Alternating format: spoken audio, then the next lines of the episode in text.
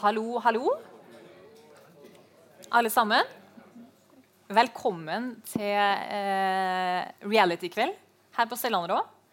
Veldig hyggelig å se at eh, dere har tatt turen hit. Jeg må få lov til å presentere et eh, Vi har et veldig fint panel her i dag. Eh, så skal vi se en litt morsom snutt etter hvert for å komme litt i stemning. Reality-stemning. Men jeg kan jo først presentere alle sammen som er her. Det er Aksel Tjora. Sikkert mange som har hørt han prate eller uh, sett han i et panel før. Du er jo professor i sosiologi fra NTNU. Når Jeg lest, uh, jeg skulle søke opp nummeret ditt før jeg ringte, deg i NRKs arkiv. Og da sto det 'Aksel Tjora, flink til å prate'. det, er det, det, det, not, det, som er notert på deg. Ok, ja, ja. Vi får se hvordan det går. og så er det Sara Brink. Velkommen til deg også. Tusen takk. Du er medieviter. Mm. Har skrevet masse bøker om bl.a. dokumentarfilm, om fjernsynet. Og du skal jo bl.a. snakke litt om hvordan denne sjangeren har påvirka eh, alt vi lager, også på TV i dag. Du hadde litt morsomme tanker, eller hadde noen tanker rundt det. Mm. Og så må vi jo si hjertelig velkommen til de to hovedekspertene våre her i dag. Det er jo dem som eh, faktisk har vært med på reality-program. Så vidt jeg vet, har i hvert fall ikke dere to vært med på noe reality. Stemmer det? Ikke det vet. Nei. Men det har Karina og, og, Dino. Dino, du var med på et program som het Muldvarpen, som gikk i 2000. Så har du gjemt deg litt etter det, for vi har ikke sett deg så mye eh, etter det. Gjerne snakk litt i mikrofonen der. Det skal jeg gjøre. Ja, du skjult, du gikk, eh, du skjulte deg etter, etter at du har vært med? Jeg gikk i dekning, altså, men bare levde et normalt liv. Så, ja. mm. Men du kom på fjerdeplass i det programmet? Ja. Mm. Det er ikke noe sånn rangering. Vi ble slått ut etter hvert. da. Ja, Men du var blant de fire siste? Ja. ja. Mm. Og så er det Karina Dahl. Du har vært med på flere eh, reality-program. Ja. ja. Men i hovedsak så var det jo Big Brother som vi husker det første du var med på. Jeg har nå nesten glemt det, men det virker som at folk husker på det. Det er jo 13 år siden. da. Ja. Jeg vil jo heller at folk skal huske på Farmen eller 71 grader nord, og sånn, men ja. uh, det sitter igjen. Blir ikke kvitt Big Brother. Nei. Men uh, vi skal snakke mer med dere ganske snart. Først vil jeg bare at vi skal se på altså, Når Big Brother kom da, på norske TV-skjermer i 2001, så hadde vi jo allerede sett 71 grader nord og Robinson. Men det var en helt annen type program som skulle komme til Norge. Hadde vært svært, eh, tatt verden med storm andre plasser. Eh, Sverige blant annet, sendte før oss, og Nederland var det første, som, eh, første landet som sendte. Så jeg, funnet, jeg kosa meg litt i NRKs arkiv. Eh, jeg jobber i NRK selv. Jeg heter Mari Svenning, forresten. Jeg er journalist og jobber i NRK. Det må jeg kanskje si også. Så jeg kosa meg litt i NRKs arkiv og klippet sammen bare en liten snutt her. Eh, det første vi ser da er fra Dagsrevyen noen uker før dette programmet skal starte. Så vi kan bare sette på den.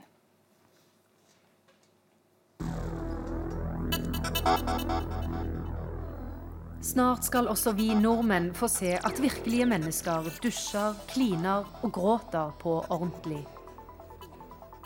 I et hus fullt av kameraer og mikrofoner skal ti nordmenn bo. Alt de sier og alt de gjør, blir filmet.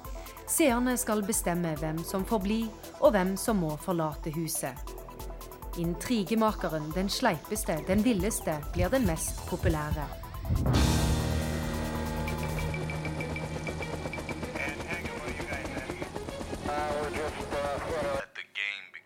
Hey yo, I'm trapped, dog. I can't get out of this place, even though I wanna. Like in jail, I'm locked up. Damn, dog, I got to warn your shit is real crazy. So why I try to break me for a hundred days and hundred nights? Please don't aggravate me, cause I'm going to retaliate. For that, you're gon' hate me. Debate me, say I'm getting raped by the TV. I can't take a shit without risking public embarrassment. And right now, I'm pissed off and all the other characters. I mean, these two cats. Og nå skal altså norske ungdommer få nye forbilder.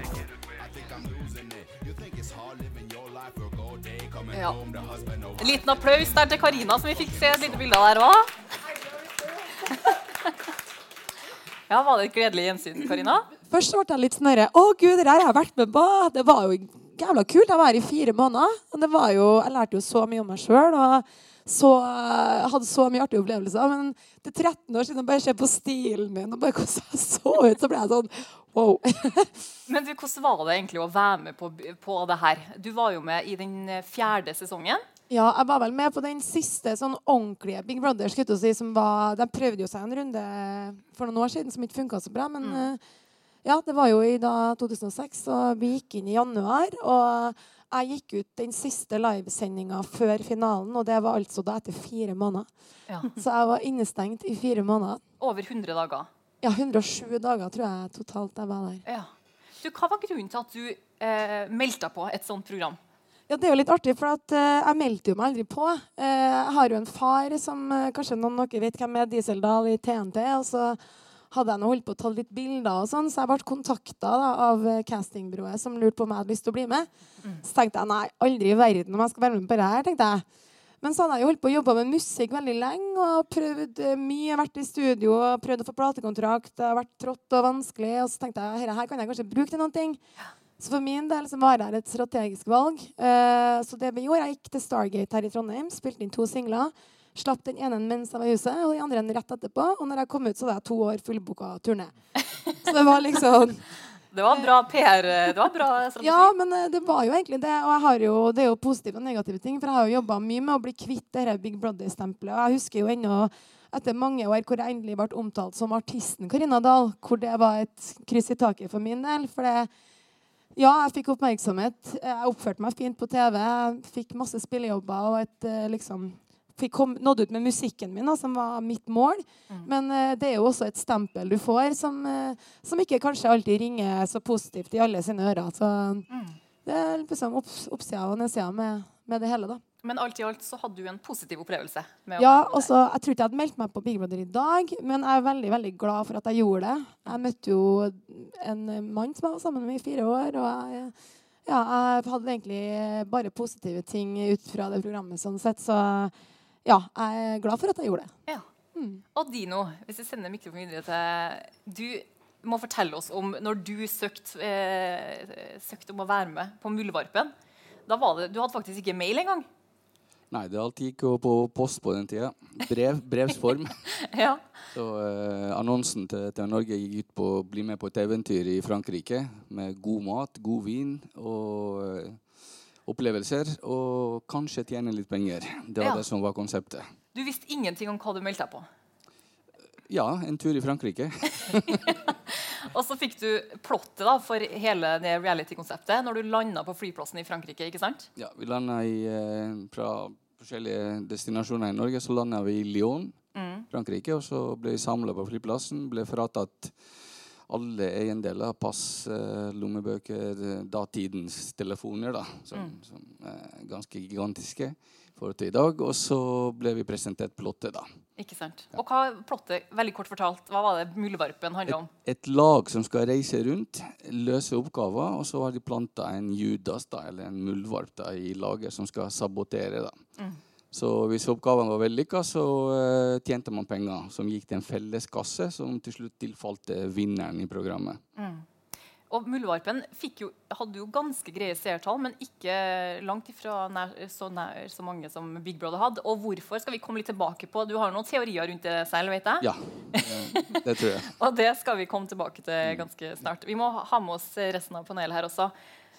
Eh, jeg kan begynne med deg, Sara. Hva var det med Big Brother som gjorde så, det var jo første gangen TV Norge ble den største TV-kanalen faktisk i Norge under finalen på den første sesongen. Da var det over en million seere. Uh, og hver episode hadde en ja, mellom en halv million og en million seere. Hva var det med Big, Big Brother som var så revolusjonerende? Var, vi så jo noe her, holdt si, og det var jo et enormt markedsføringsapparat av serien.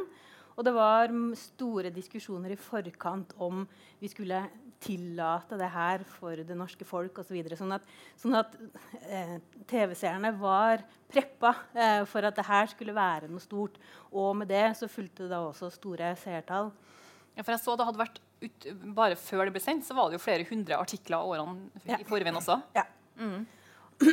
og det var jo på en måte så fikk man jo det man var eh, lovt eh, som TV-seer. Altså eh, tittelen 'Big Brother', eller det her med at du får overvåkninga på noens liv som da blir tatt ut av sin vanlige hverdag, satt sammen med fremmede mennesker, og mm, hvor døra blir stengt igjen. Og så skal de være der inne, eh, i den, den, som vinner lengst, da, over 100 dager. Mm. Det, det, setter jo noen rammer som eh, jeg tror mange er nysgjerrig på. Eh, men så fikk man også da det her ikke bare som et, si, som et eksperiment, eh, men som underholdning. Mm. Eh, det er jo derfor også du fikk dratt i gang maskineriet og fikk eh, de store seertallene. Det ble akkurat sånn som vi, hadde blitt, ja, som vi lova. Mm. Mm. Jeg kan jo nevne selv at uh, jeg husker jo veldig godt når det her kom. Da var jeg elleve år, og vi hadde ei kjellerstue der vi pleide å se Champions League i Rosenborg. Høydepunktene når de var gode, og da laga mamma pizza. Og da, Det var endelig da vi skulle bruke den litt hellige kjellerstua. Og så var det et nytt konsept da, som foreldrene mine sikkert trodde var et litt sånn familiekonsept, nemlig Big Brother. Eh, og da husker jeg faktisk jeg og alle mine tre søsken da var med på og fikk se det her. Som jeg tror viste seg var litt annerledes da, enn foreldrene mine hadde tenkt. Der fikk vi jo se bl.a. Eh, ja, sex på direkte live. Det hadde vi jo ikke sett før. jeg hadde ikke sex på TV.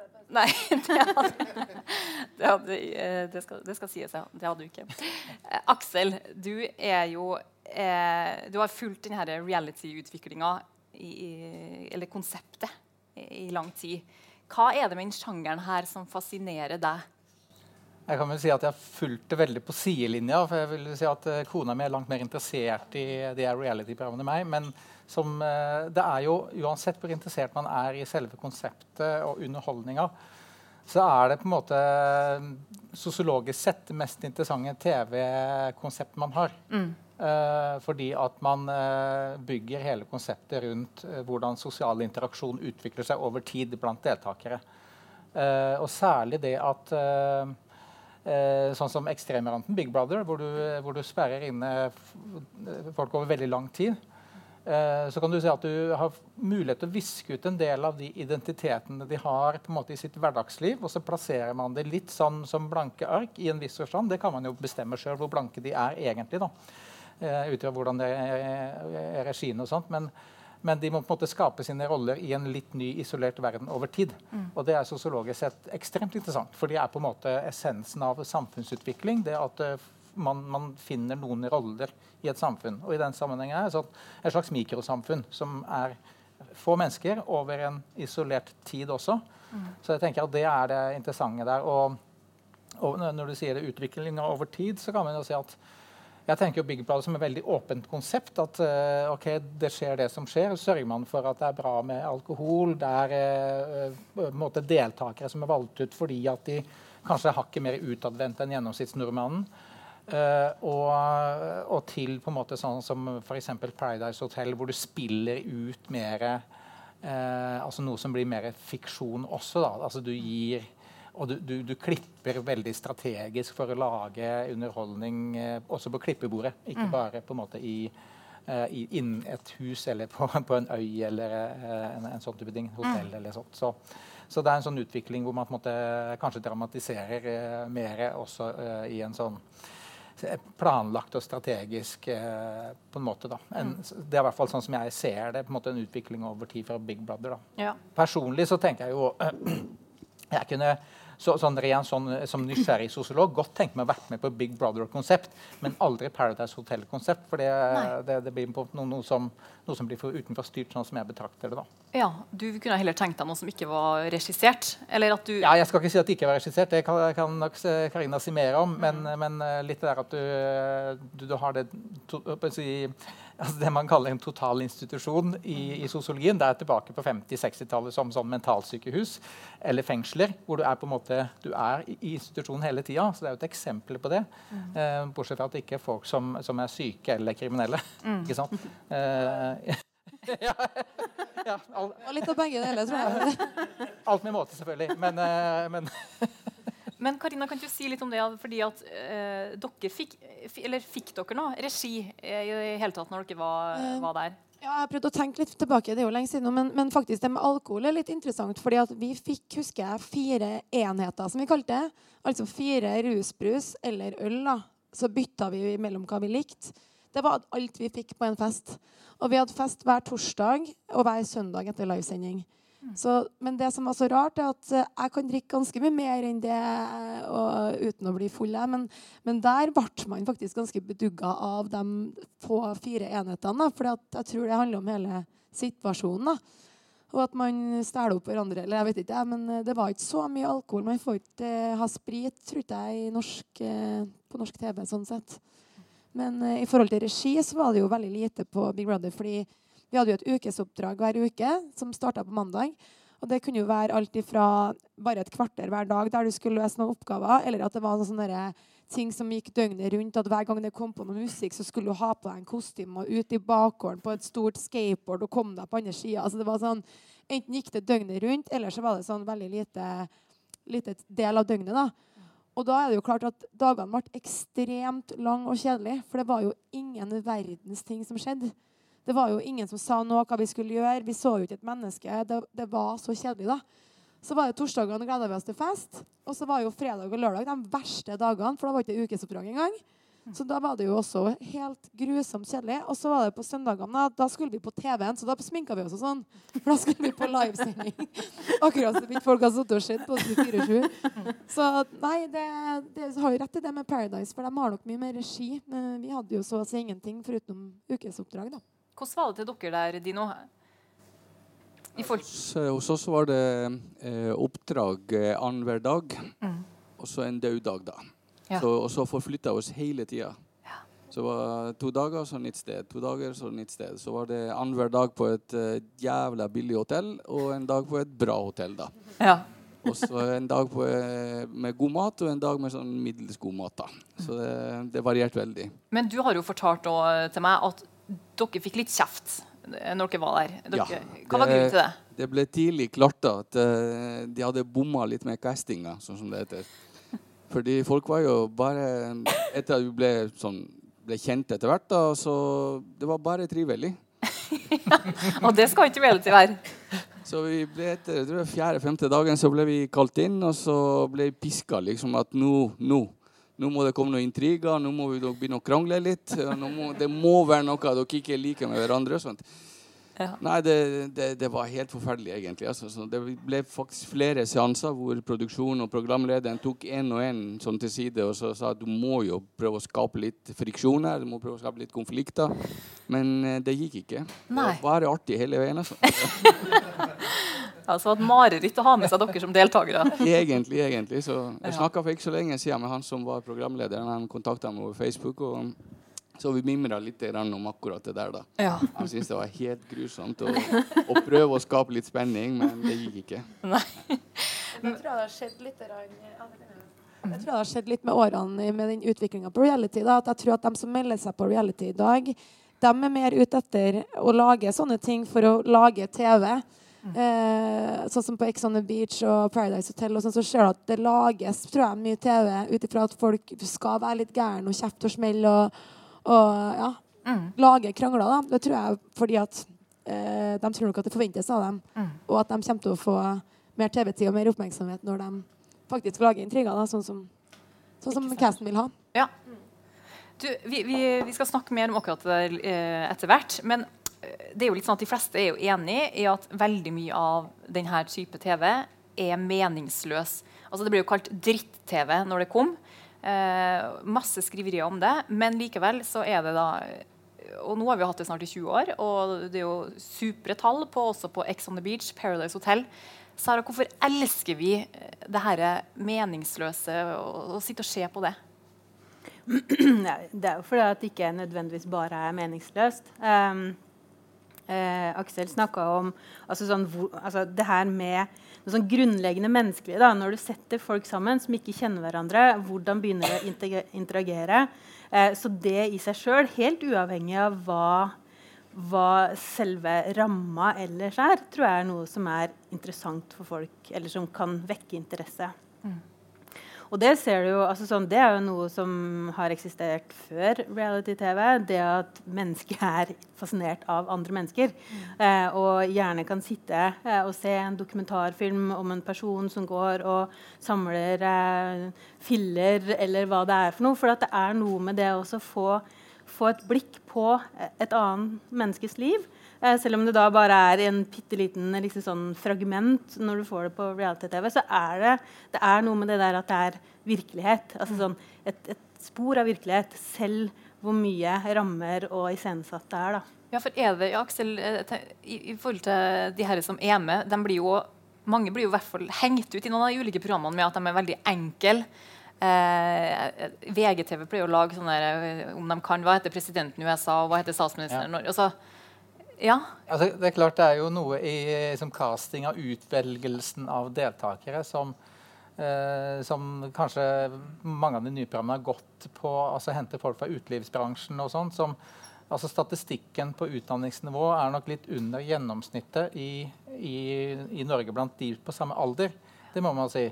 Men, men, så må man jo tenke at man velger jo ut. Man klipper ganske strategisk for å velge ut måte, de der uttalelsene hvor de driter seg ut. ikke sant? Typisk sånne ordtak hvor de tar feil og sånt. Mm. Jeg er sikker på at de fleste av de kan også ordtak som er riktig. Mm. Så det er noe med at man, man velger ut strategisk det som, eh, det som er eh, altså man, man, gjør litt narr av deltakerne også, for det har jo en underholdningsverdi. Mm. Så det kan man jo si mye om. Eh, jeg tenker at det er, det, det er også problematisk, for det er jo mennesker som har et liv etterpå også.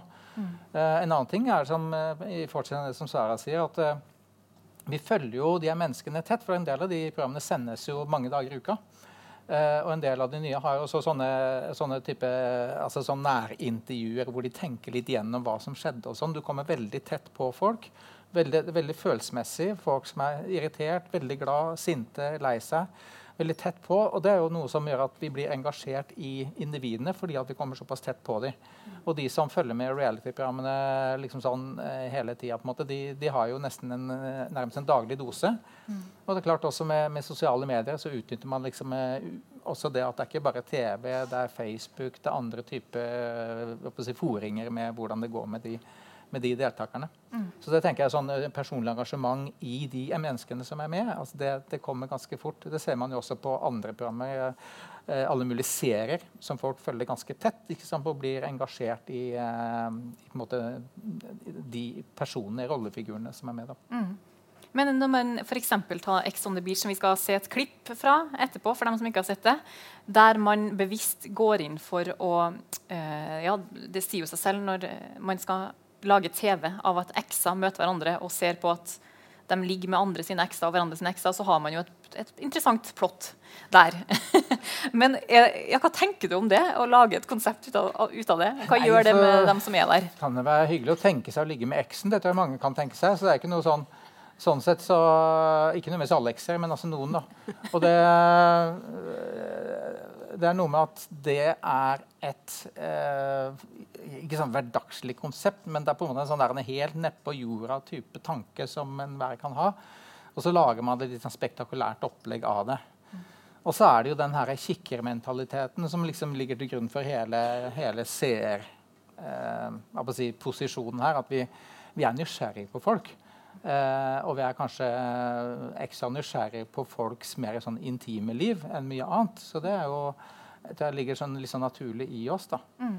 Eh, og så klart Hvis du har definert liksom, det, det, er det som skal skje, det er det du skal se, så, så vil du få et publikum som er nysgjerrig. da. Det er klart, eh, ja, det jeg tenker på, det er jo, som er et sånn annet tankekors, det er jo det at det, eh, liksom seksualundervisningen eh, sliter på skolen, etter hva jeg har skjønt. Og, og, det kan man vel diskutere om man kanskje kunne hatt litt mer sånn oppbyggelig sånn sex reality-programmer som henvendte seg til 11-åringer. Ikke sant? Ikke bare overlate det til Newton, men, eh, men gjøre noe mer eh, sånn spektakulært, altså, som faktisk har en, sånn, en, en viss sånn kunnskapsinnhold, og ikke bare, bare sånn kikker-type eh, tilnærming. Mm. Men, men jeg, jeg, tenker jo at eh, du vil jo prøve å sprenge grenser. på en måte, ikke sant? Skal du, Big Brother sprengte jo grenser fordi at da var det nytt. Mm. Så må du, må du, liksom gå videre og videre. Så det, det, kommer sikkert enda mer spektakulære ting etter hvert. Ja. Hva blir det neste, lurer man på da. Det kan dere tenke litt på. Jeg skal forresten bare si til dere at det er bare å gå og kjøpe seg drikke og sånn underveis mens vi prater her. Det er fullt mulig. Eh, vi må også det er jo litt viktig at vi også nevner at det er jo ikke bare reality-program som bygger på eh, sex og alkohol og at man sperrer folk i, inn i et hus. Vi har jo, det, En av de lengstlevende er jo faktisk 71 grader nord. Eh, kjempepopulært. Eh, Farmen. Eh, Anno, som gikk på NRK eh, i noen sesonger. Kjempepopulært. Eh, hvorfor liksom, kommer de litt i skyggen uansett av, av alle de andre programmene her, Sara? Ja, nei, Det spørs nå hvilken skygge. Det, altså, sånn, for noen er jo det de eh, reality-programmene som gjelder. Men de skaper jo kanskje ikke de, de samme overskriftene. Um, men bygger de på noe av det samme? Eller hva syns du er, ja, altså sånn, er interessant med de programmene? Mm, ja, Grunnleggende sett så er det jo en konkurranse. Altså sånn, eh, også Anno er der for at du setter sammen noen mennesker som skal begynne å konkurrere mot hverandre, samtidig som de ikke klarer å gjennomføre verken det å leve innenfor den verden de er satt i, eller å få ferdigstilt de oppdragene de får. Så det er den der blandinga mellom det at de skal samarbeide, og samtidig eh, konkurrere. Den er veldig interessant. Den finner du igjen i, i 71 grader nord, du finner den i, eh, i Farmen. Altså sånn, det, det, er jo de der, altså sånn, Den dynamikken der tror jeg også er mulig å kjenne seg igjen i. Altså sånn, eh, sin egen arbeidsplass. Altså selv om det ikke er liksom det at man vinner eh, månedens eh, medarbeiderpris, så er det det der med at du både må være i et uh, samspill, og så må du vise deg eller stikke deg ut. Det tror jeg er noe av det som fascinerer veldig. da. Og I tillegg så lærer du jo ganske mye. Ja. Altså sånn, Hvis du setter deg ned og ser på Farmen eller ser på Anno, så lærer du virkelig noe av det også. da. Og Karina, du har jo vært med på både 71 grader nord og på Farmen. Ja. Og på Big Brother. Men kan du ja, si litt om forskjellen på å være med på de tre konseptene der? Ja, der har jeg jo til, da. Eh, fordi sånn som Jeg tror jo at det som Jeg har jo ikke skjedd så mye Jeg har bodd i Sverige lenge, men nå er jeg jo tilbake i Norge. Men det å se vi er jo, Selv om man er kjent, så er man jo normale mennesker med svakheter og frykter og mange ting man ikke kan. Og selvfølgelig når man blir satt 100 år tilbake i tid Det å se folk mestre ting som de aldri trodde de kunne. Altså, Jeg trodde aldri jeg skulle sitte og melke kyr hver dag i seks uker. Og jeg var jo livredd kyr. Så at jeg satt der liksom og klarte å mestre det, var jo veldig stort for meg. Og på 71 grader nord så vet ikke om noen så det, men jeg var veldig redd for høyder og klarte å henge i hengekøye 375 meter over et fossefall etter ganske mye ramaskrik. Men, men, jeg tror bare det for eh, folk hjemme å sitte og se på at vi som normale mennesker mestrer ting. Det tror jeg er veldig fint. Og for min del, som også har eh, opplevd mye forhåndsdømming og sånn, det å få vist hvordan jeg er som person, har vært utelukkende positivt for min del. Eh, så er det jo kanskje andre som får vist seg som person som kanskje ikke er like heldig sånn, med forskjellige ting. Men, eh, men, jeg tror bare at eh, det å få se sånne glamorøse kjendiser være litt mer avkledd eh, i ting og skal prestere og gjøre ting som de uh, syns er vanskelig, og sånn, det tror jeg er fint for folk å se. da. Mm. Og det å på en måte kunne være et litt sånn forbilde på det med å tørre å slenge seg ut i sånne ting, mm. det tror jeg er viktig. Så eh, jeg har, uh, har, jo vært med på mye ting og vært liksom i media en stund, men jeg har aldri fått så mye gode tilbakemeldinger som etter 71 og, og Farmen. da. Mm. Og i hvert fall etter Farmen. liksom. Det har vært helt vilt. så det er veldig artig å se at folk engasjerer seg i et program som gir så mye positivitet. Mm. Så, ja. Men du sa noe interessant tidligere at, når jeg snakka med deg, at uh, du syns egentlig ikke at den, uh, reality at, har det forandra seg nå uh, siden Big Brother? At du mener at det, det, er mye av det samme egentlig i dag? At det ikke har blitt noe mye drøyere? Eller at det, det er jo liksom bygger på det samme? Det, det, bygger jo på å sette sammen folk, sånn som uh, Aksel var inne på, liksom i, i, et forum si, der man er innstengt. Altså på 70 grader nord og Farmen, vi har jo ikke telefoner. Vi, vi, er jo innstengt og er under regi av uh, en produksjon. Så må du da forholde deg til de her menneskene daglig. da. I, sånn som På 71 var jeg i en måned, og på Farmen var jeg i seks uker. Uh, og så er det noe, jeg tror at altså, egentlig så er det jo konseptet er jo helt likt. Eh, jeg, vet, altså, jeg, vet, jo at på Farmen så er det folk som ligger sammen der òg, liksom. Men de, Oi, de, er det noe du kan røpe her? ikke meg. Ikke meg. Eh, men det, jo, det, skjer jo på de programmene der òg. Men Big Brother hadde jo et, et, annet konsept med at det var 24-7 og alt vistes. ikke sant? Ja. Så Farmen og 71 har jo kanskje en annen interesse i klippinga si. Er det mye som skjer bak kulissene som vi ikke får med oss? Vi ser han? Ja, det er jo det. Men ja. Eh, det er jo ikke noe sånn vi får ikke noe mat og får ligge på hotell og sånn på 71, nei. Det, det, er liksom det er som det er. Men det er jo selvfølgelig relasjoner som blir skapt der. og sånt, men det er på ikke det fokuset de vil ha. da. Um, det er jo ikke det. Men, men altså, som jeg sa tidligere i forhold til casting og sånn, jeg tror at uh, altså, Hvorfor vil du melde deg på Ex on the Beach? da? Jeg har aldri ville vært med og møtt eksene mine i et sånt der for, altså, sånn, jeg har ikke da hadde ikke jeg takla. Jeg skjønner ikke hvorfor folk vil melde seg på det, men da er det jo kanskje med et mål om å kanskje bli kjendis. da. Og så er det jo, det syns jeg blir litt feil, for hva er en kjendis? En kjendis for meg er jo noen som har noe å legge på. Altså, jeg har musikken min jeg vil fram, eller så har du kanskje du er skuespiller, eller du er altså, jeg vet ikke, idrettsstjerne som har lyst til å komme med et budskap. jeg vet ikke, Men du kan ikke melde deg på noe bare og tenke at jeg vil bli kjendis. Og så vil du skape mest mulig stygg TV og si at du er feit og bleik og sånn for å få oppmerksomhet. Det er, jo, det er, jo, det som blir feil. Så jeg tror at det er kanskje ikke konseptene som forandrer seg så mye, men det er folkene som søker på programmene. Ja. Tror kanskje jeg, da. Jeg vet ikke. Aksel, ja, kjempefint. Aksel, jeg vet at du, du har noen tanker rundt akkurat det hun er inne på her nå? Ja, altså jeg, veldig, jeg ser det poenget veldig godt. At, eh, at du at du, du, oppsøker folk som eh, vil være med for å bli kjendiser. ikke sant? Er men er ikke det de blir, da? Veldig mange av dem. De blir jo faktisk kjendiser. Ja, men det er jo kanskje litt det som inne på, på, på, på hvilke premisser, og hva skal du fortsette med? På, på et vis da, Hva har du å bidra med? Jeg, altså jeg synes jo de her for F.eks. Anno, for å ta det, som et ganske ferskt eksempel, eh, er veldig sånn eh, interessant også fordi at du, du kan jo bli kanskje en slags kjendis ved det. Det er kanskje ikke de med aller høyeste seertallet, men det er jo tross alt noen som ser. Og så er det noe med at du, du får muligheten til å teste ut ferdigheter og kunnskaper med noe som egentlig ingen kan. Og, og, og, og, da kan du si at okay, du kan velge ut noen akademikere, du kan velge ut uh, noen som er rørleggere, eller noen som er arbeidsløse, noen som er artister, hva som helst som er med på det. Og så viser det seg at noen bare lager det fantastiske glassmaleriet. Mm. Altså Jeg ble så imponert. Jeg, jeg fulgte litt med på det som var fra Trondheim her. Som var fantastisk Trondheim-reklame også, med mye sånn der eh, dronefilming og greier. Uh, men altså hvor mye de greide å få til mm. av uh, jeg særlig syns jeg det glassmalerigreiene var, var imponerende. Og så, og så, tenker jeg at ja, men Det er jo en, eh, på en, måte en god grunn til å være med. Du kan teste ut noe som du ikke aner om du kan, og hvor ingen av de andre deltakerne heller har gjort det før. Så sjansen for at du fikser det like bra som de andre, uansett hva du ellers holder på med, er til stede. Mm. Og Det tenker jeg på som en ganske fin ting. da. Uh, og, og samme det som Sara var på, du lærer jo faktisk litt. Å ja, er det sånn de gjør det her? Også, og liksom type sånn gammelt håndverk. Altså tilbake til middelalderen eller Farmen, som er ikke fullt så langt tilbake, men likevel. Mm. Sånn at uh, jeg tenker at det er også sånn aspekt ved det som gjør at altså da, da, blir det jo faktisk litt mer familieprogrammer enn det som dere så på i kjellerstua. ja, men prisen er jo at, at man betaler det at du blir sett av andre på TV. Altså for Noen melder seg på et eh, kurs i treskjæring på Folkeuniversitetet. Noen melder seg på Anno. Så det er litt sånn oh, ja, det kan også ja, Ja, ja.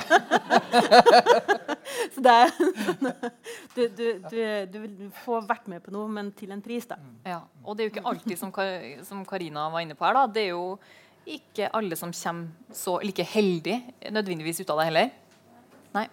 Altså, det er jo fåtallet som blir kjendis etter Paradise. Så var jo Petter Pilgaard, da, men han er jo en en uh, genuint morsom fyr som er sinnssykt flink med folk. ikke sant? Og da har, jo, da har han jo et talent da, på en måte som, som han uh, fikk ut altså, som, Jeg tror ikke han planla egentlig det å bli kjendis, han, ja, men du ser jo i dag, da. Mm.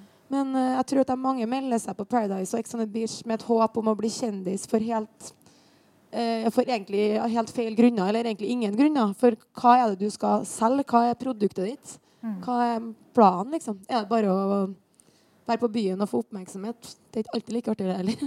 Men utrolig mange ender jo opp som, særlig i de programmene, eh, som, selv om det er en brøkdel sikkert, men man føler jo ofte at man ser de her, noen av de største bloggerne i dag for eksempel, har jo vært, gjerne vært med i et av de programmene. Eh, og så har man jo Stacey Man, som har blitt programleder i NRK. Han var med i Paradise. Men så har man jo også ja, Gaute Grøtta Grav, eh, som var med i første sesongen av Farmen, som da òg ble en programleder. Men det er jo ingen som husker alle dem som ikke vi ser i dag. Og det tror jeg er veldig mange flere. Men, men, det er kanskje det som Karina sier. Altså, hvis, du, hvis, du, er rett og slett jævla flink med folk, ikke sant, og du lykkes bra med det, ok, så kan det hende at du faktisk egner deg som programleder eller på andre sånne roller. ikke sant? For det er faktisk også en sånn egenskap som er veldig, veldig viktig ikke sant? å faktisk få, få vist at du har. da. Mm. Sara, mm. vi, vi, skal også snakke, vi må snakke litt om det her hvordan eh, den sjangeren her, reality-sjangeren, har jo også påvirka hvordan eh, vi lager TV i dag. Kan du si litt om det? Jo, um, når jeg ikke ser på reality, så ser jeg gjerne på si, samfunnsaktuelle program. Um, jeg ser på Planet Plast, jeg ser på Live redder verden litt, jeg ser på Helene sjekker inn. Og Hvis du ser f.eks. de tre produksjonene der, og holder de opp mot et reality-program, så finner jeg i hvert fall veldig mange likheter. Det er den altså dreininga mot at eh, altså sånn, en programleder eller en journalist kan være langt mer personlig i dag. Kan sette seg sjøl i midten av en hendelse eller et oppdrag. Eh, og jeg tror at sånn som f.eks. Planet Plast, da, eh, hvor Line Nell... Nei, hva? Line Elvåshagen? Ja. ja. uh, går ut og prøver å forsøke å bli en bedre eh, kildesorterer. Altså sånn, eh, og, og, har det på et så forferdelig lavt nivå at vi andre eh, ser at vi presterer bedre, samtidig som vi lærer noe fordi at hun lærer noe. Det er en sånn eh, en sånn inn, eller en inspirasjon eller en, sånn, eh, en, en, effekt tror jeg, av det at vi har nå hatt eh, reality-TV i 20 år og kommet så tett på vanlige mennesker.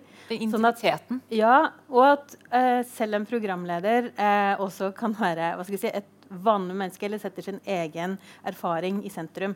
Istedenfor å rette mikrofonen mot en ekspert som da skal gi svaret på et samfunnsaktuelt eh, spørsmål eller eh, det å eh, ja, i det hele tatt eh, sette opp en sånn diskusjon der hvor vi, vi som seere blir belært. Vi får heller da denne inngangen at jo, men vi kan det her, vi skjønner hva det her dreier seg om, og vi er faktisk ganske gode, men vi kan også bli bedre. Den type ting. Og selvfølgelig, Helene sjekker inn. Der får du nettopp den her eh, vendinga eh, der hvor eh, altså sånn, Hvis du skal ha en parallell til sportsjournalistikken, det var sånn Hva føler du nå? Altså sånn, Det hun hele tida stiller seg, hva føler jeg nå når jeg opplever det her? Jeg opplever denne institusjonen fra innsida. Sånn at denne intimiteten der, det er noe som jeg mener vi kan se sive inn fra reality-programmene vi også har sett på. da.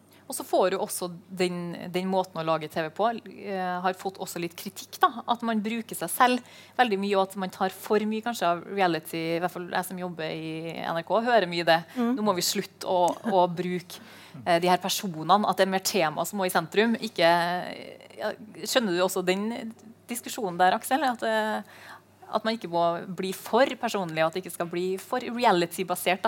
Ja, altså Man møter jo det både på radio og TV, kanskje ikke minst radio, som er på en måte mitt uh, hovedmedium. Da, at uh, journalister intervjuer journalister som snakker om andre journalister har sagt. At det er klart at uh, det kan bli mye av, mye av det. Mm. og hvis en forsker har sagt noe, så må en journalist intervjue en kommentator for at kan si hva forskeren har sagt. Så det er en del sånne, sånne, sånne ting. Da. Men det, jeg tenker at det er et det er et mindre problem egentlig, sånn som jeg ser det, enn om man skal holde alt på avstand. Før Helene sjekker inn, for eksempel, Du kommer veldig tett inn i institusjonene som f.eks. behandler folk med spiseforstyrrelser. Og så får du oppleve Helene som en utenfra-person, sine reaksjoner på å bli kjent med de her personene som går i terapi, og som sliter heftig. Mm. Og så merker man jo sjøl at man egentlig sjøl får de samme reaksjonene som, som Helene ved å komme såpass tett på både de personene og Helene som sjekker inn. Mm. Så jeg tror også den der også altså jeg, jeg, ser poenget ditt, men altså det at journalisten måtte føler litt for deg, sånn at drar deg med inn i følelsene, jeg, jeg tror nok det er en, faktisk en sånn ganske god måte å, å la oss som publikum komme tett på eh, den type ulike problemer og institusjoner. Mm. Dino, du, har, du, du, er ikke så veldig glad i reality, er du det? Altså, du ser ikke så mye på det? Det er litt uh, sterkt å si det, men jeg ser veldig lite. Jeg har sett veldig lite. Ja.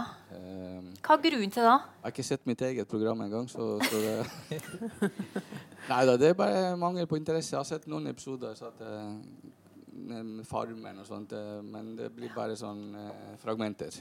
Ja. Ja, det tiltaler meg ikke. Nei. Jeg er ofte blitt fascinert også av det der rent sånn tekniske, som fotografer virker. så av uh, som seere så ser vi ikke at uh, antagelig det, det, vi ser, det, det er kamerafanger. ikke sant? Altså, men så rundt de menneskene som har kanskje en konflikt eller en krangel eller en kjærlighetsscene, eller hva det måtte være, så er det faktisk en kameramann. Og så er det en svær stang, og så er det en mikrofon. og så, altså, hvor kommer du inn, og hvor kommer du ut av virkeligheten i en sånn situasjon? ikke sant? Mm. Og jeg beundrer de som klarer å oppføre seg som normalt ikke sant? med et helt crew rundt seg. Mm. Jeg husker helt konkret i programmet jeg var med, så jeg hadde satt og hadde en veldig ok samtale med noen. Og så noen timer senere så kommer programlederen og sier du, eh, jeg kom til skade liksom overhørte en sånn samtale du hadde med han Lars. Eh, det var veldig ok, det du sa. Tror du vi kan gjenskape det? Og så hva for noe? så, så det, var på, altså, det, var, det, var litt rart å ha dem også rundt seg de dagene det var opptak. Mm. Så krydder folk med sånn eh, hva heter det, sånn eh, ulldotter ikke sant? og stenger og kameraer. Og, så det var en, en underlig, underlig, greie. ikke sant? Altså, og, det, og, det, skjedde med flere at de fanga en del situasjoner. Så må de trekke dem ut, regissere og få dem til å si samme tingene på nytt. da. Og det rareste, du må jo røpe det til oss her nå hvis ingen forteller det høyt. Du måtte jo faktisk Du må fortelle oss hva som skjedde når du var ferdig med innspillinga. Ja. Etter et halvt år så blir du oppringt. Blir du det? Ja, jeg blir eh, oppringt fra produksjonen, og så sier de at uh, det var faktisk den første episoden. Da hadde de rota bort teipene. Det var sånn VHS, jeg vet ikke hva de brukte på den tida. da. Så de lurte på om vi kunne lage episoden på nytt, da. Det var så, Episoden jeg spilte, var jo i september i solskinn på et slott i Frankrike, hvor de, jeg fikk faktisk være med på å lære om Beaujolais-vin. Og så på slutten av dagen så skulle jeg være med på en sånn blindtest. Og så blinke ut av de forskjellige årgangene og typene osv. Og, og jeg lyktes med det, og jeg var kjempefornøyd. Og ja, jubel i leiren, og vi hadde vunnet penger og alt det der. Og så blir det sånn begynnelsen av januar utover nytt, nyttår, så får jeg en telefon om at uh, de hadde rota bort teipene. Og de var nødt altså, til å ta de episoden, episoden på nytt. da. Så vi ble flydd rett og slett en uh, snødekt Et snødekt landskap i februar i, i, Frankrike. Og prøv liksom etter beste evne da til å, til å gjenskape. Og så var det liksom på den Husker du hva du sa? Husker du hva du gjorde? Altså? Jeg, holdt på å fly meg i hjel. Altså, sånn så vi var der en tre-fire dager og så fikk gjort de her episodene. ble en ekstra tur på meg. Det var kjempeartig. det også, alle hadde samme frisyre og sånn? da? Nei, altså, de prøvde etter beste evne. Altså, de ikke skjønte hvordan de skulle løse det med utendørsopptakene. Altså. Det, og det ble en underlig affære, det må jeg si. Altså, det, ja. ja. veldig fint. Du, vi har et til lite videoklipp som eh, jeg tenkte vi skulle se på. Eh, før vi setter på det, så nå skal vi litt inne på eh, Vi skal se et klipp fra en, eh, en realityserie som heter X on the beach. Eh, for dem som ikke, Vi var jo litt inne på hva det handler om i stad. og her er en liten sånn oppsummering av den sesongen. Bare for å, og så skal vi snakke litt om da, det ungdommene våre elsker å, å, se på. Og mange voksne, for så vidt. Ja, vi, kan, vi kan bare snurre film. Velkommen til Mauritius. Hey! Padden forteller hva som skal skje, og når det skal skje. Ta det med overalt. Nå skal dere flytte inn i luksusvilla! Hvor er det flere rom, da? Jeg vet ikke hvor det er. Kom. Ja. Alkohol! Lovely place.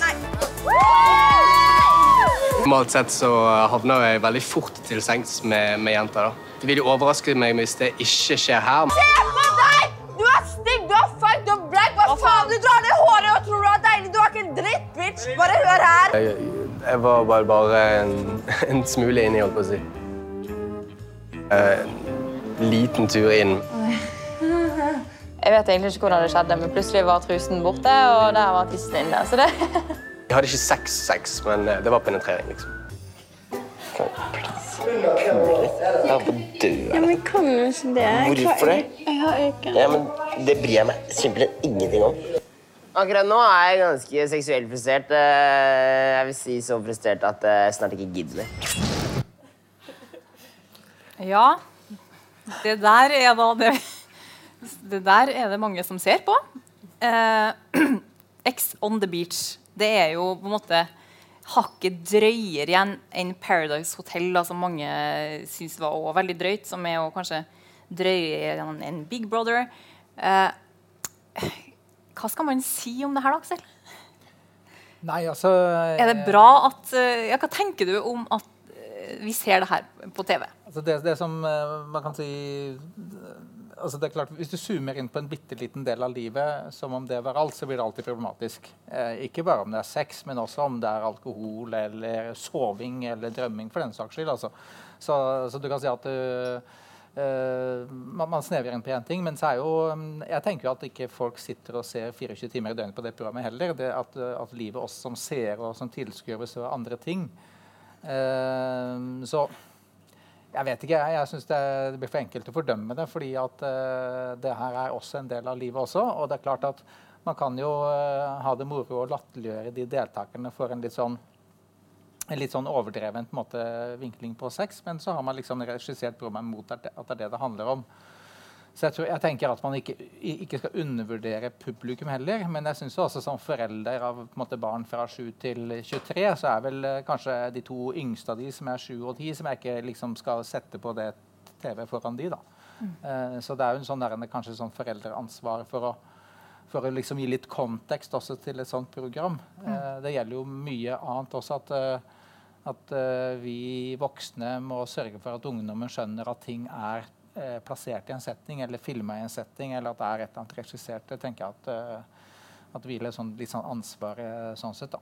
Mm. Og eh, Sara, Vi snakka litt om det her med tab tabuene som var før Big Brother kom den gangen. Skal vi tillate å sende det her på TV? Eh, no, hva er liksom tabu i dag, tenker du, når, når man ser det her? Fins det noe tabu, egentlig? Hvor er grensa for Blir det bare trukket lenger og lenger? Eller, ja, hva tenker du om det? Ja, nei, jeg har ikke tenkt så mye om det. Eh, men um men det er jo helt åpenbart at, at det begynner jo å bli altså sånn, Man må jo tenke veldig utenfor boksen. For hvis man skal i det hele tatt klare å komme opp med noe nytt konsept nå, altså eh, det å finne et nytt eh, tabu. Eh, og, og, det her, det er OK, så har man prøvd det. det jeg vil bli veldig forbausa hvis man liksom har en sesong to eller tre av Ex on the Beach, men kanskje. Eh, vet ikke. Det er, jo, det er jo det at du igjen da kan liksom du har det samme konseptet, men du har nye mennesker. Da kan nye ting oppstå. Eller da vil du få de nye sitatene du kan liksom eh, spre på sosiale medier. Eller et nytt fjes som du på et vis kan hekte på serien.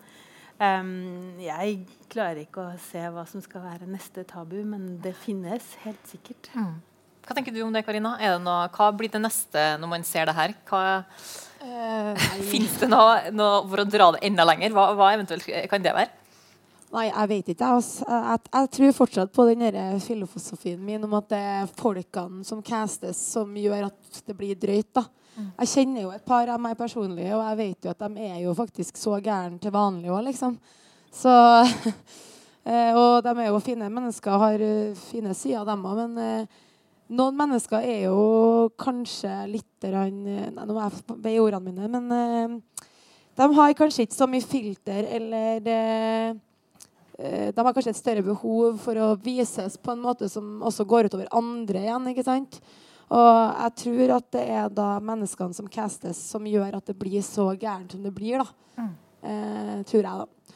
Men hvor er etikken oppi det her, da, Aksel? lurer jeg på. Også, har man et ansvar når man Det er jo ganske unge folk, det her. Vet de på en måte hva de, ja, hva de er med på?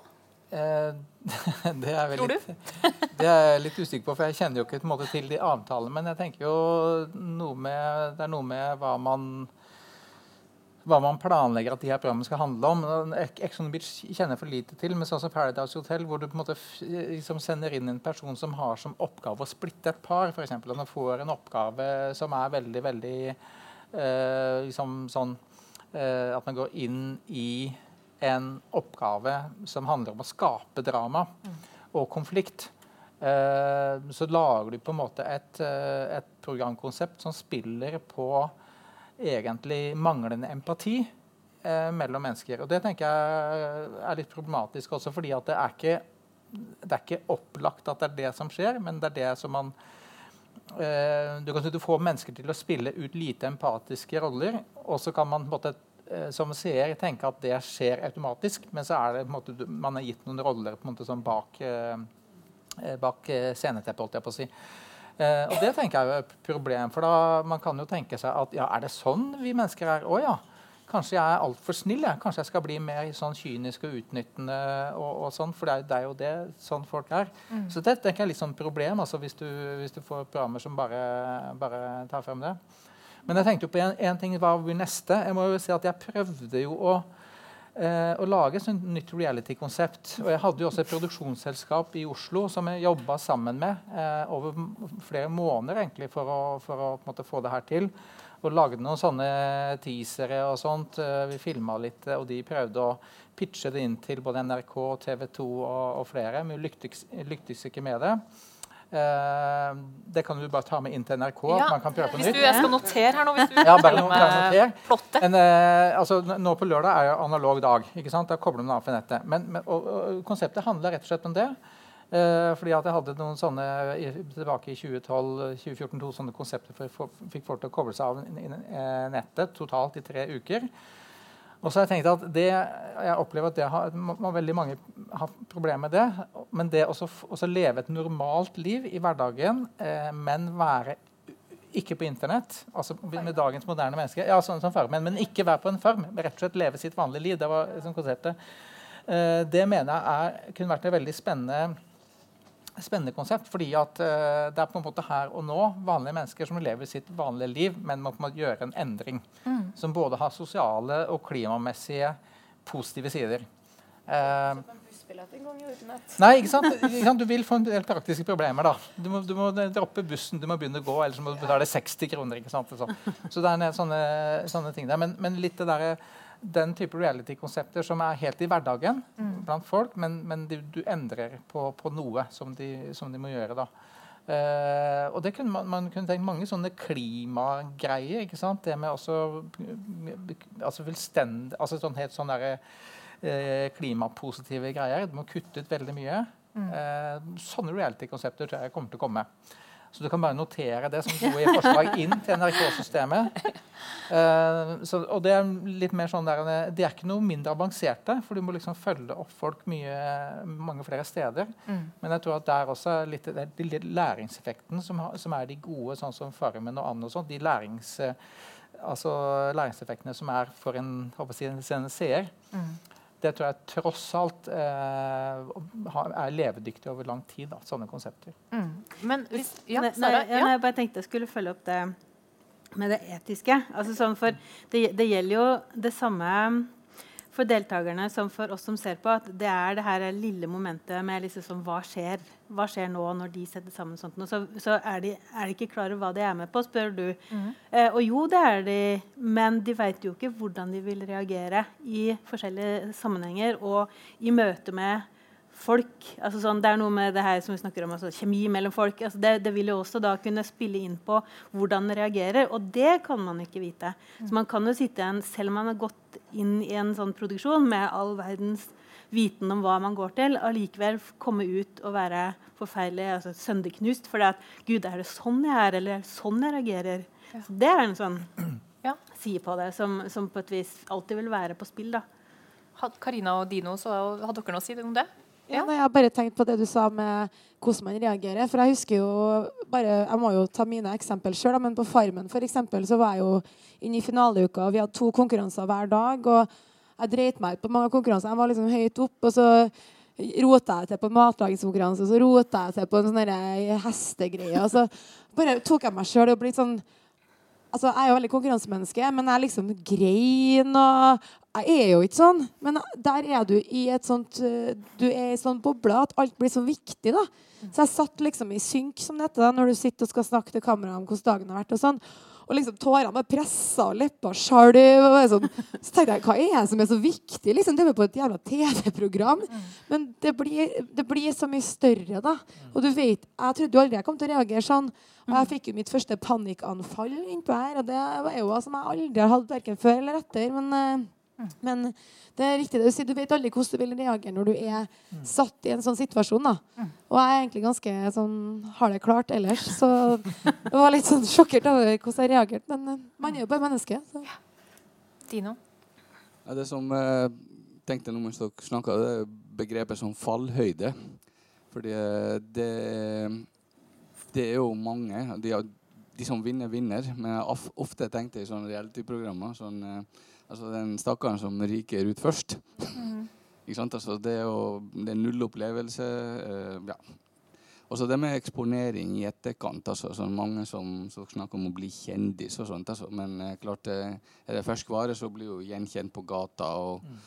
Og jeg har snakka med noen av de jeg har vært med, og de bodde i Oslo-gryta. da, sånn, Så det var litt, litt enklere. da, og så De mente at det var forstyrrende i perioder. da og bli stoppa. Ja, noen fikk noe slengt noen ord etter seg, noen andre fikk skryt. Men det med hva som skjer på en måte etter at du har lagt deg sjøl til tørk, på en måte, og så kommer tilbake til vanlig liv, det er ganske interessant. Så skulle gjerne ha visst på en måte om det finnes noen uh, studier på, på, konsekvenser av å ha deltatt i eller eksponert deg sjøl kraftig i en kort periode, og så skal folk tilbake til anonymiteten igjen. Hva skjer da? Dere opp, fikk dere noe oppfølging etterpå, eh, etter å ha vært med på det? Eller var det litt sånn Nei, som sagt, så jeg var med i steinalderen, altså, så det var ikke noe sånn den, den, type oppfølging. Men, men jeg, jeg syns det har vært litt, uh, litt, interessant å få vite da, hva som mm. skjer med mennesker.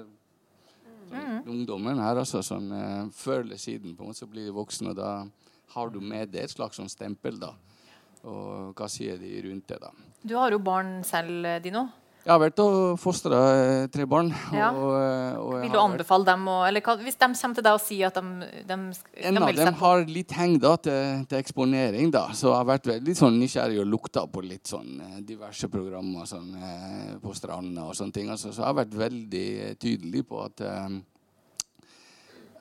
hvis du ikke er 100 sjølsikker på at du vil ha det her, så bør du ikke hive deg ut i noe altså, altså, Du må være må være skrudd sammen sånn at du tåler det som kommer For det kommer alltid noe. Og spesielt i dag da, med de her nye mediene, kan du si, hvor folk finner det uansett hvor du er, og kan fortelle deg hva de vil, og så videre. Så det er en, en underlig sånn situasjon, da. Ja. Hva tenker du om det, Karina? Du, som, eh, du har jo ikke noe barn selv, så vidt jeg vet, ennå.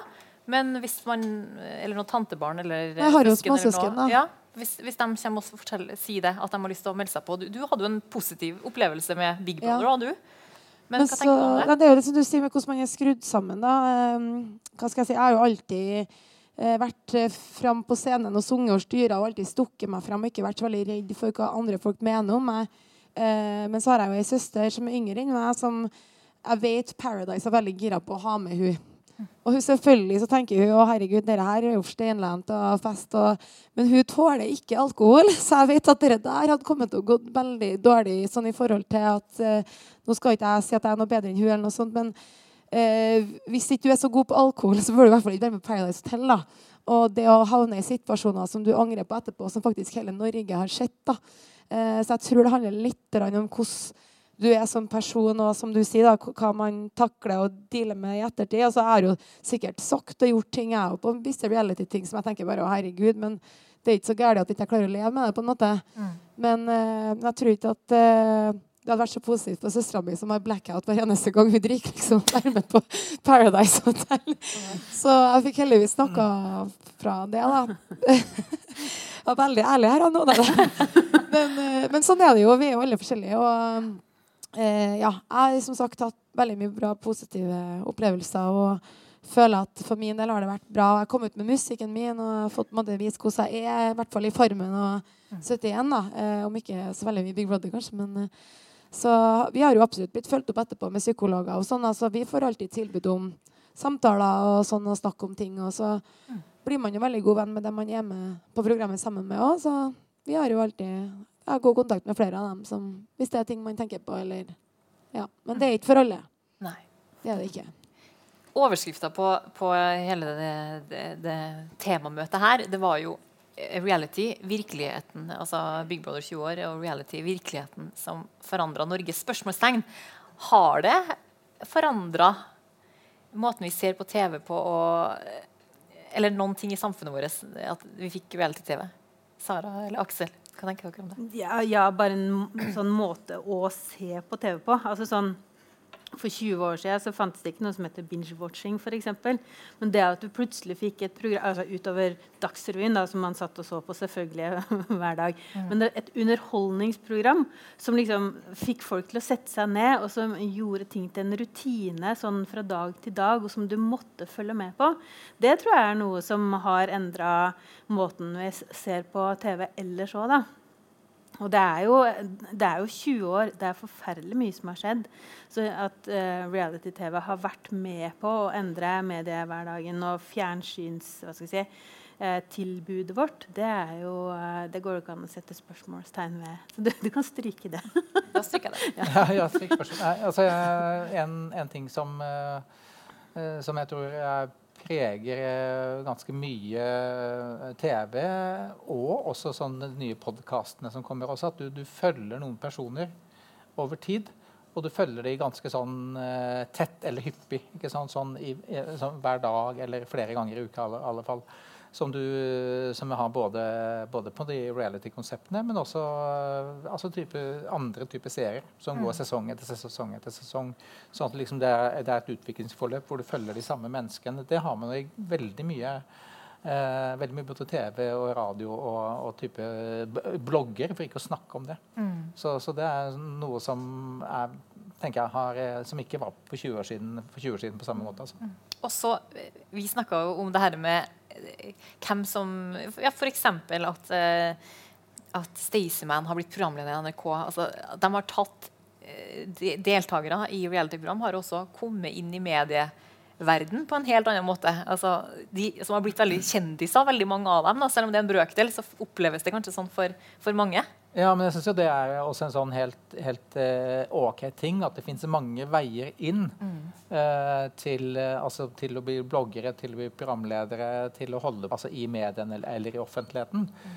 Og det, det, det, er jo også en positiv ting. ikke sant? Det finnes mange veier for veldig mange ulike folk å, å komme i sånne roller. Mm. Så det har vært mye positivt òg med reality-TV. Kan vi konkludere med det? du, jeg syns vi skal gi en stor applaus til panelet her. Og så er det sikkert noen som har noen spørsmål. Er det noen som har det? Så er det lov å fire løs. Noen spørsmål? Nei? Jo. Um, det er veldig vanskelig å formulere dette på en veldig kort og konsis måte. Men, men, sånn som jeg ser det, da, så er det en veldig stor utvikling fra det Big Brother var i 2000 Når var det begynte? 2000, ja. 2001 i Norge, ja. ja okay. mm. um, og min analyse er det at personfokuset har blitt mindre Eller deltakerne har blitt mer produkter som, som serien og serieskaperne prøver å selge som noe annet enn det de egentlig er. Det dere har vært inne på med klipping og og sånn. Og jeg bare er litt sånn bekymra for uh, produsentene sin, sitt ansvar for uh, både deltakernes helse, som dere var inne på, og hvilken effekt den har på folk som ser på det. jeg vet ikke om det er noe lett å svare på det. Men... Ja, jeg kan jo uh, bare si kort jeg tror du har helt rett i din analyse. Uh, og det er vel en enkelt av de reality-programmene i hvert fall så ser jeg for meg Paradise Hotel har litt en vinkling at du lager ulike varianter good guys og bad guys. på en måte, Som du former de eh, helt sånn strategisk i, i, måten Ikke bare casting og utvelgelse av deltakere, men også på en måte hva slags situasjoner du setter de ut i. og Hva slags oppgaver du gir de. Um, også hvor, det, hvor det, det, fiksjonen, fiksjonen, kommer inn veldig der. Uh, og, og, man leker litt med format og ulike sånne sånne måter å lage TV ut fra situasjoner på. Og da eh, ser poenget til at da har man jo som deltaker helt fullstendig ingen kontroll på hva man kommer til å framstå som. Og det er jo etisk et kjempeproblem, tenker jeg. Jeg tenker jo også, jeg er også enig, men også ikke uenig. Men jeg tenker jo at uh, du har jo litt ansvar sjøl for hva du sier, og hvordan du uttaler deg, og hvordan du oppfører deg. da. Og hvis du står og roper som hun gjør, at du er bleik og feit og stygg, sånn, så på en måte det er ditt eget ansvar. da. Og det er ikke noe klipp som trenger til for å vise. Da er du faktisk sånn som person. da. Eh, at, men det at eh, de velger ut folk som Nå snakker ikke jeg om noen av dem, noe, men de velger ut folk som kanskje er litt eh, psykisk ustabile. Nå snakker ikke jeg om noen personer her. Men det vet jeg at de har gjort, liksom, og i hvert fall i den sesongen med Big Brother jeg var med på. Og jeg har jo sett noen i ettertid. Vi hadde jo en som var i samme sesong som meg, som faktisk tok livet sitt. Uh, og det er nok ikke pga. Big Brother, men det er nok pga. at han har psykiske problemer. Og da er det også av en uh, castinggruppe å ta inn folk som sliter psykisk. Uh, eller som er ustabile. Det er jo da et etisk problem. Men ja. Hva med de som ser på? Det lurte du jo også på. Fikk du ja. Som du sa, eh, så ble jo søstera di kontakta. Eh, var det noe de holdt på med før, for det første? Og hvordan, var det noe de holdt på med før? Gikk de direkte inn for å spørre Nei, de, de, finner, jo, de finner jo liksom folk uh, uavhengig av hvem man er. Ja.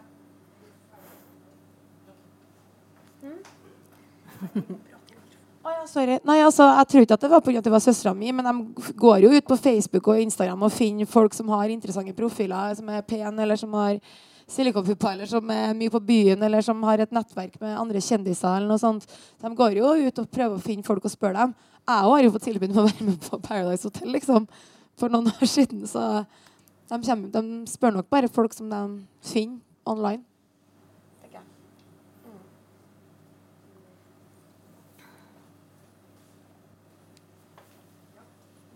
Nei, jeg synes Det er interessant det du tar opp. For det, jeg var med i Anno i første sesongen i Bergen.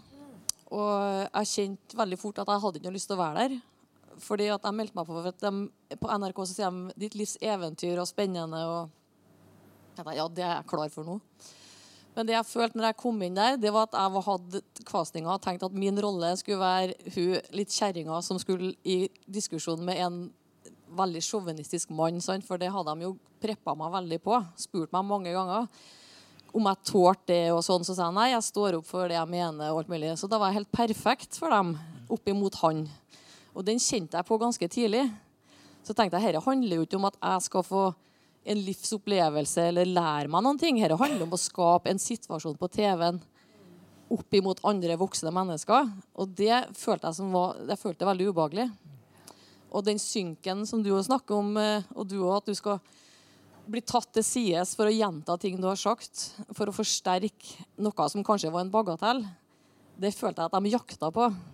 Så jeg hadde en veldig negativ opplevelse av akkurat det. Så for meg så kom eventyret litt i bakgrunnen på det at jeg følte at jeg ble et produkt i noe som skulle selge, som skulle være interessant.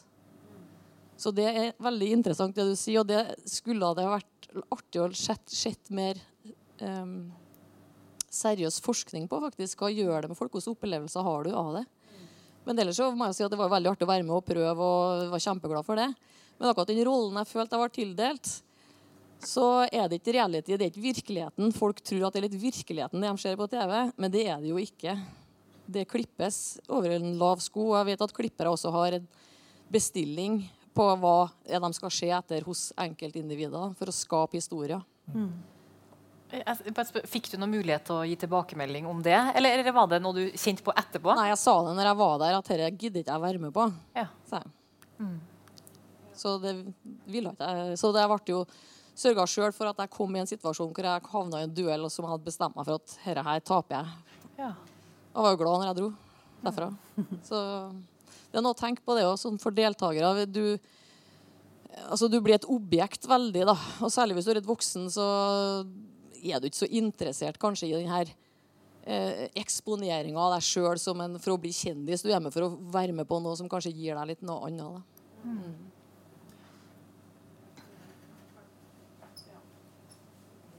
Jeg kan jo bare si at jeg er litt enig med akkurat det du sier med at de vil prøve å få forsterka ting. Jeg var jo med på, også på Masterchef. og Da hadde jeg jo vært med i en sesong hvor jeg kom på tredjeplass. Og så var jeg med i en sesong til hvor jeg da sto i finalen mot en hobbykokk. da. Og da spurte de hun om ja, hva tror du, hvordan tror du Karina gjør det i dag. Nei, så sier jeg nei, hvis hun har flaks som hun alltid har, så går det vel bra, det. Og der har jeg vært med liksom to sesonger og står i finalen i begge, men flaks, jeg vet ikke. Og da har jeg jo egentlig lyst til å fyre meg opp. Da, og da spør jo de meg òg hvordan, hvordan føler du, hva vil du si til May-Britt, og hva syns du om May-Britt? Og da tenker jeg bare Først, eh, her er et TV-program. Jeg vil framstå bra. Så ærlig gidda ikke å være med på det. Jeg gidda ikke å si nei, vet du hva, hun kjerringa der eh, Jeg vet hva jeg er god for. Altså, da kjører jeg heller bare jeg nei, vet du hva, hun er råflink, og jeg er råfornøyd med å stå i finale med hun. Så bestemmer jeg sjøl hva jeg sier, i stedet for å la dem sette ord i hodet på meg, sånn at det skal bli en sånn situasjon som intriger og tull. For jeg orker ikke å bli fremstilt sånn, for jeg er ikke sånn. Men så jeg skjønner godt hva du mener med, med det.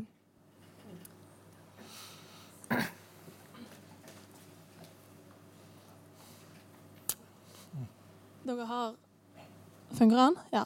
Dere har snakket litt uh, om det, men jeg er veldig fascinert av på en måte den nye uh, de, ja, den nye generasjonen med folk som melder seg på uh, reality-shows og sånn. Og jeg tror du har helt rett at de melder seg på for å bli kjendis og sånn. Og det liksom, dere ser det hvis dere går inn på f.eks. Um, Instagrammen deres eller noe sånt, de har gjort seg klar for at nå skal de bli store, liksom. Og det, det er veldig fascinerende. Um, og mange av de blir det også. Jeg tror kanskje jeg som 24 år gammel uh, jente merker det kanskje mer enn mange andre, fordi at Facebook og uh, Snapchat um, viser det veldig mye til meg, fordi sånn, dette her er noe du kommer til å være interessert i. Så jeg ser hele tiden blogginnleggene deres blir recommended to me, og alt mulig sånt. Jeg ser de overalt, egentlig. Um, og de har jo ikke noe å komme med. Det er jo ikke, eller Mange av de har jo eh, noe å komme med, men de er jo blitt kjendiser, eh, eller kanskje influenser, det er det de kaller seg nå, da. Eh, men på basis av egentlig ingenting. Og det er jo mye problematisk som skjer med det, fordi at um, når de ikke har noe uh, annet å stå på enn at uh, de skal vise seg og de skal tjene penger, så blir det jo mange sånne ting som hele den der Dubai-greien. Mange fikk jo kritikk, kritikk for at de um, uh, glamoriserte det litt og romantiserte turer til Dubai og sånn.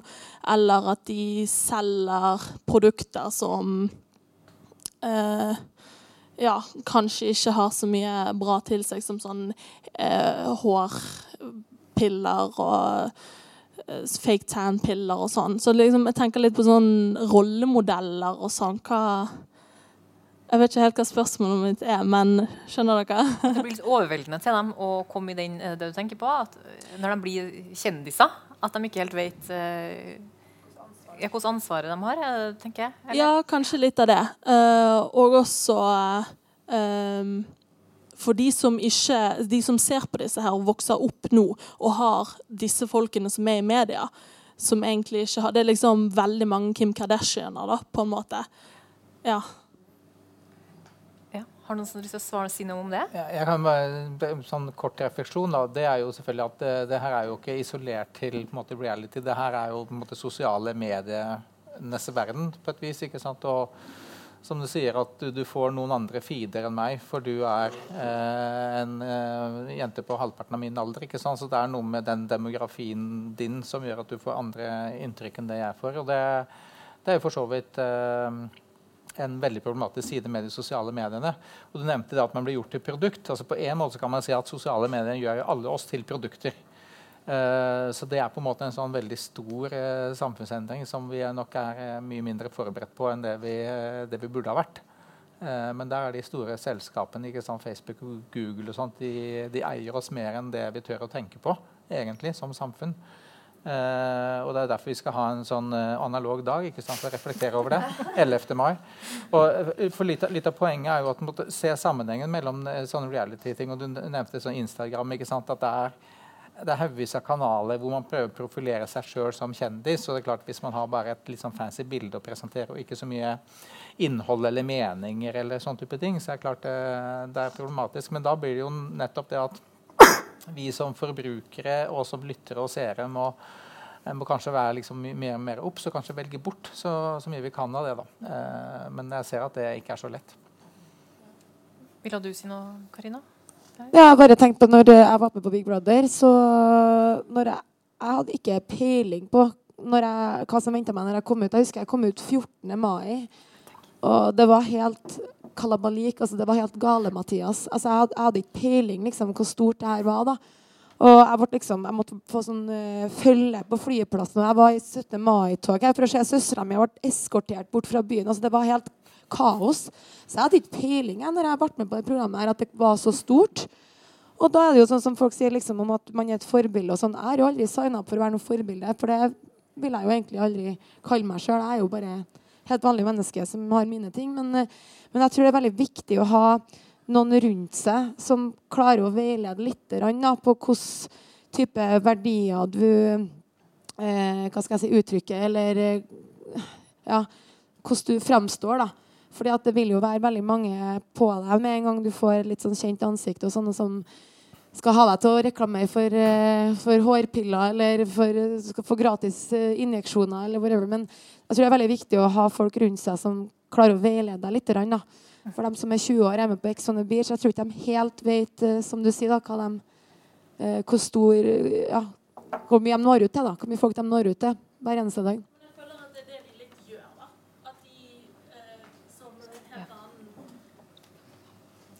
De melder seg på på en helt annen premiss enn det du gjorde. Og du gjorde det jo også litt sånn strategisk med tanke på musikkarrieren din. Sant? Men det var jo din karriere. De, har, de uh, melder seg på og vet de kommer til å bli store. Uh, og de vet at det kommer til å være et mediehus. Mange av de fortsetter jo å melde seg på spin-offs, eller fortsetter uh, å bli liksom topploggere, eller hva de blir etterpå.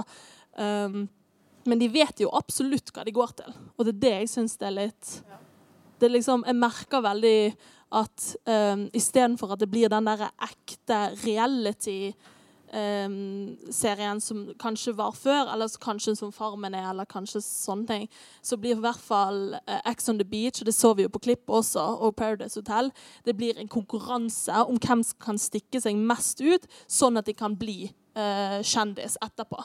Mm. Det er for det jeg føler er nesten premien i uh, ja, Ex on the Beach og uh, Paradise Hotel. Vi har et spørsmål Eller ja. Spørsmål her òg. Ja. Eh, jeg lurte litt på litt sånn tilbake til de som blir med. Eh, for eh, det har jo kommet frem nå både med tanke på Paradise Hotel og Ex on the Beach altså at en del av de som er med her, de har en ganske brokete fortid. Eh, mye fosterhjem, altså ganske vonde barndommer, eh, som kanskje gjør at du, at du er ekstra sårbar. Eh, I hvilken grad har man på en måte altså folk som klarer å fange opp det her og kanskje klarer å beskytte dem for det. Hvordan foregår utvelgelsen? For Jeg, føler mange ganger at det er et gedigent eksperiment. da. For Det er jo sånn som du sier, Karina, at uh, du vet ikke hvordan du reagerer uh, i ulike settinger. Noen er rusta for det, men så er det ganske mange som ikke er det òg. Og, når du har en, en, en vanskelig barndom i tillegg, så er det ene med det. Og Ex on the er et godt eksempel på det. tenker jeg. Eh, F.eks. hun som sto der. Eh, der du kanskje ikke hadde til hensikt å, å, å vise frem det her. Og hun har en brokete bakgrunn, så vidt jeg vet. Um, og jeg tenker Noen må på en måte beskytte dem. Noen, noen, bør ta ansvar for å beskytte enkelte for å være med på det her. Og i hvilken grad gjør man det? Ja, ja. Godt spørsmål. Ja, jeg vet ikke om jeg jeg har ikke noe svar på det, men, eh, men, jeg er jo, etter å ha vært med på en del ting, så vet jeg jo sånn som det alltid er snakka om når man blir kasta til ting, så handler det om miksen, som de sier. De skal ha en god miks på forskjellige karakterer, og sånn som du var inne på med De så for seg at du og han sikkert kom til å fly litt i tottene på hverandre. og og, og, sånne ting. Og det at de, jeg husker jo når at jeg var jo på sånne runder på Big Brother, og det var jo mye spørsmål om sånne psykiske Om jeg har uh, angst, eller om jeg har uh, slitt psykisk, eller bla, bla. Og, og, jeg tror nok at mange svarte ærlig at de sikkert har det, men at de da også da blir valgt ut til å være med. Det er jo sikkert for å skape TV, da. Og det er jo ikke riktig det, etisk, som vi har snakka om. Så jeg er, jo, jeg er, jo, helt enig i det. Men jeg tror ikke det blir tatt så veldig mye hensyn til, nei. For å være helt ærlig. Min oppfatning, da. Mm. Jeg, kan, jeg, vet ikke om du har sett den, men Thomas Seltzer har jo laga en, en, dokumentar om det går vel Nei, den, den, anbefales å se. Nå reklamerer jeg litt for NRK, høres ut som. Men, men, der er han jo med på en castingprosess til Paradise Hotel. Eh, og det er veldig interessant. Det er ganske, jeg tror det, eh, det, virker litt kynisk, kanskje, den måten de gjør det på. Men uten at jeg kan si det. For jeg ja, og det husker jeg vet ikke hvordan det helt foregår, men der er han i hvert fall litt flue på veggen. Eh, og se hvordan en sånn utvelgelse foregår. Så det er interessant uh, å se. Søstera mi var jo på en sånn castingrunde på Paradise, og hun ble jo bedt om å rangere de andre i rommet fra penest til styggest. Mm. Uh, og hvem hun ville ligge med, og hvem hun ville ikke være sammen med. Altså, det var sånne ting som du måtte gjøre i en castingprosess med andre potensielle deltakere. da. Og det, helt, det, må jo være helt grusomt å bare bli stilt og gjøre sånne ting. Og tenk deg den personen som blir valgt som styggest kanskje to ganger. Så det er jo ikke noe fin måte å gjøre det på. Nå har jo jeg bare vært med på ett sånt program. Ellers har jeg jo vært med eh, i Kjendismasterchef og Kjendis71. Og der er jo ikke sånne type castinger, men, men, i sånne der de tar helt ukjente mennesker og skal sette dem i sånn som Ex on the Beach og Paradise og sånn, så er den castingen ganske knallhard, altså, som jeg forstår det. Så det er helt riktig det du sier. Godt poeng. Har noen av dere noen tanker rundt det? som har lyst til å... Nei, Jeg bare, bare slo meg litt grann, uh, egentlig på det etiske her. Altså for at uh, vi, vi, som driver forskning, har ekstremt strenge etiske krav til rekruttering av deltakere. Liksom, når vi gjør intervjuer, observasjoner og sånt. Så det bare, bare slo meg liksom sånn at uh, Hadde man innført den type etiske regler overfor mediene og journalister som sådan, så hadde man fått en helt annen situasjon. Men det har vært mye vanskelig å produsere den interessante TV-en. Så det er liksom den, der, den balansen der. Hvis vi aksepterer konseptet reality-TV, hvor, hvor, skal vi sette grensene? Uh, for jeg tror det er et veldig viktig spørsmål. Altså. Mm. Ja. Nei, mens de snakka, så kom jeg på at Pink Floyd var veldig tidlig ute med å si 'Welcome to the machine'. Og det her er jo et eh, mediemaskineri, altså. Rett og slett altså, hvor etter hvert, da, i noen tilfeller så er kan si, menneskeverdet eh, kommer i annen rekke. Altså det, det er salg av produkt. Og eh, funderte litt. Jeg hadde hatt en ekstremt god og dyktig kollega som flytta for noen år siden til Oslo, fotograf. Og kom ingen vei eh, gjennom ja, yrket sitt. da. Og så, eh, så får jeg en melding for ikke så lenge siden at eh, du må sjekke TV-en i kveld. Jeg er med på et program siden. Og da dukka han plutselig opp i et, eh, et, annet program hvor noen kjendiser ikke får tak i noen kjæreste og sånn. Så og så etter det så har jobbene rent inn, altså, rett og slett. Altså. Så, så, så, da snakker vi det er, det er kommers. Altså, det er kommers uansett hva den tanken du har. Så hvem kvalitetssikrer mennesker? Så tror jeg ikke at tanken er at man skal kvalitetssikre mennesker, men sluttproduktet kommer først. Og så kommer det andre. Får vi ta det andre hvis det kommer, da. Så tror jeg det ligger helt bevisst tanke bak det å skape mest mulig støy kanskje, ut av produktet. Da, da selger den. Mm. Da var det kanskje ikke noen flere spørsmål? Jo. Ja. Spesielt programmer som Paradise Hotel er det jo veldig mange 14-15-16-åringer som ser på. Eh, så har du jo en del situasjoner hvor du har mennesker som har kommet inn og sagt at 'nei, jeg skal ikke ha sex på TV'. Så drikker du, og så sier du nei én, to, tre ganger fordi du ikke har lyst til å ha sex på TV. Og det skjønner voksne mennesker. Og så sier du ja til slutt, for du har jo egentlig veldig lyst. Er det greit å vise på TV når du vet at du har et så ungt publikum som kanskje ikke skjønner hva det nei-et egentlig er for? Jeg bare kom til å tenke på eh, Er det satt sånn som Paradise, som du nevnte nå, står det en aldersgrense der? Er det noen som vet Altså, det, det, er vanligvis en sånn aldersgrense på TV-programmer. Ja. 16, kanskje? 15? Ja, OK. Ja. Nei, jeg tenker jo Det er jo et veldig godt spørsmål. For det jo, man er jo uh, veldig opptatt av uh, det med at nei er et nei ikke sant, når det gjelder en del sånne ting. Uh, men så er man jo også opptatt av å fortelle om det med alkohol og hva det gjør med på en måte hvor, hvor flink man er rett og slett til å passe på seg sjøl.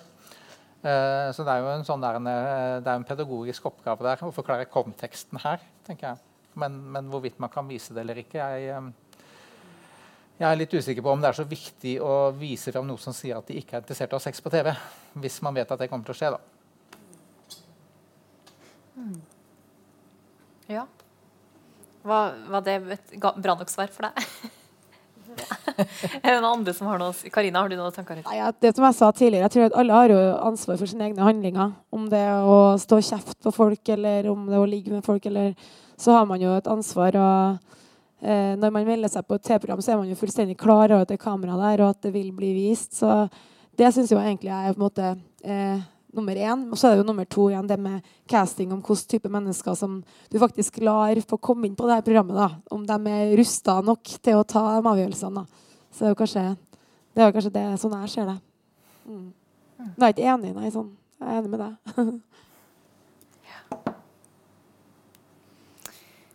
ja. Var det noen flere spørsmål da? Nei? Da tror jeg jo rett og slett at vi Dino, du gleder deg veldig til en fotballkamp vet jeg, som begynner klokka ni. Barcelona var det. Champions League. Ja. Så da rekker du jo faktisk den. Ja. Men igjen, gi en stor applaus til de flotte folkene her, da.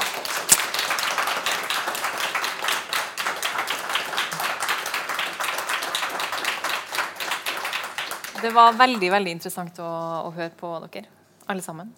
Og så, nå har du jo ikke Men du har jo Kanskje noen ser deg igjen på lørdagen? Hvem vet?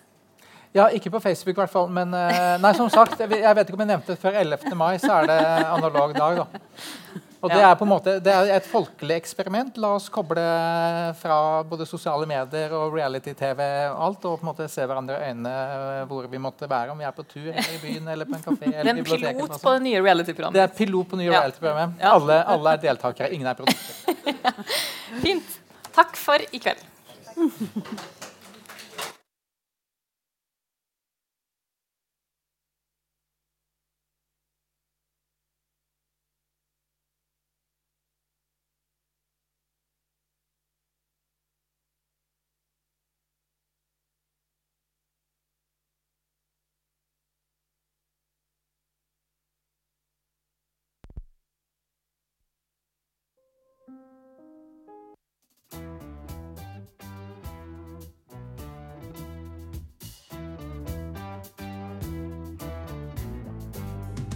Such a happy couple.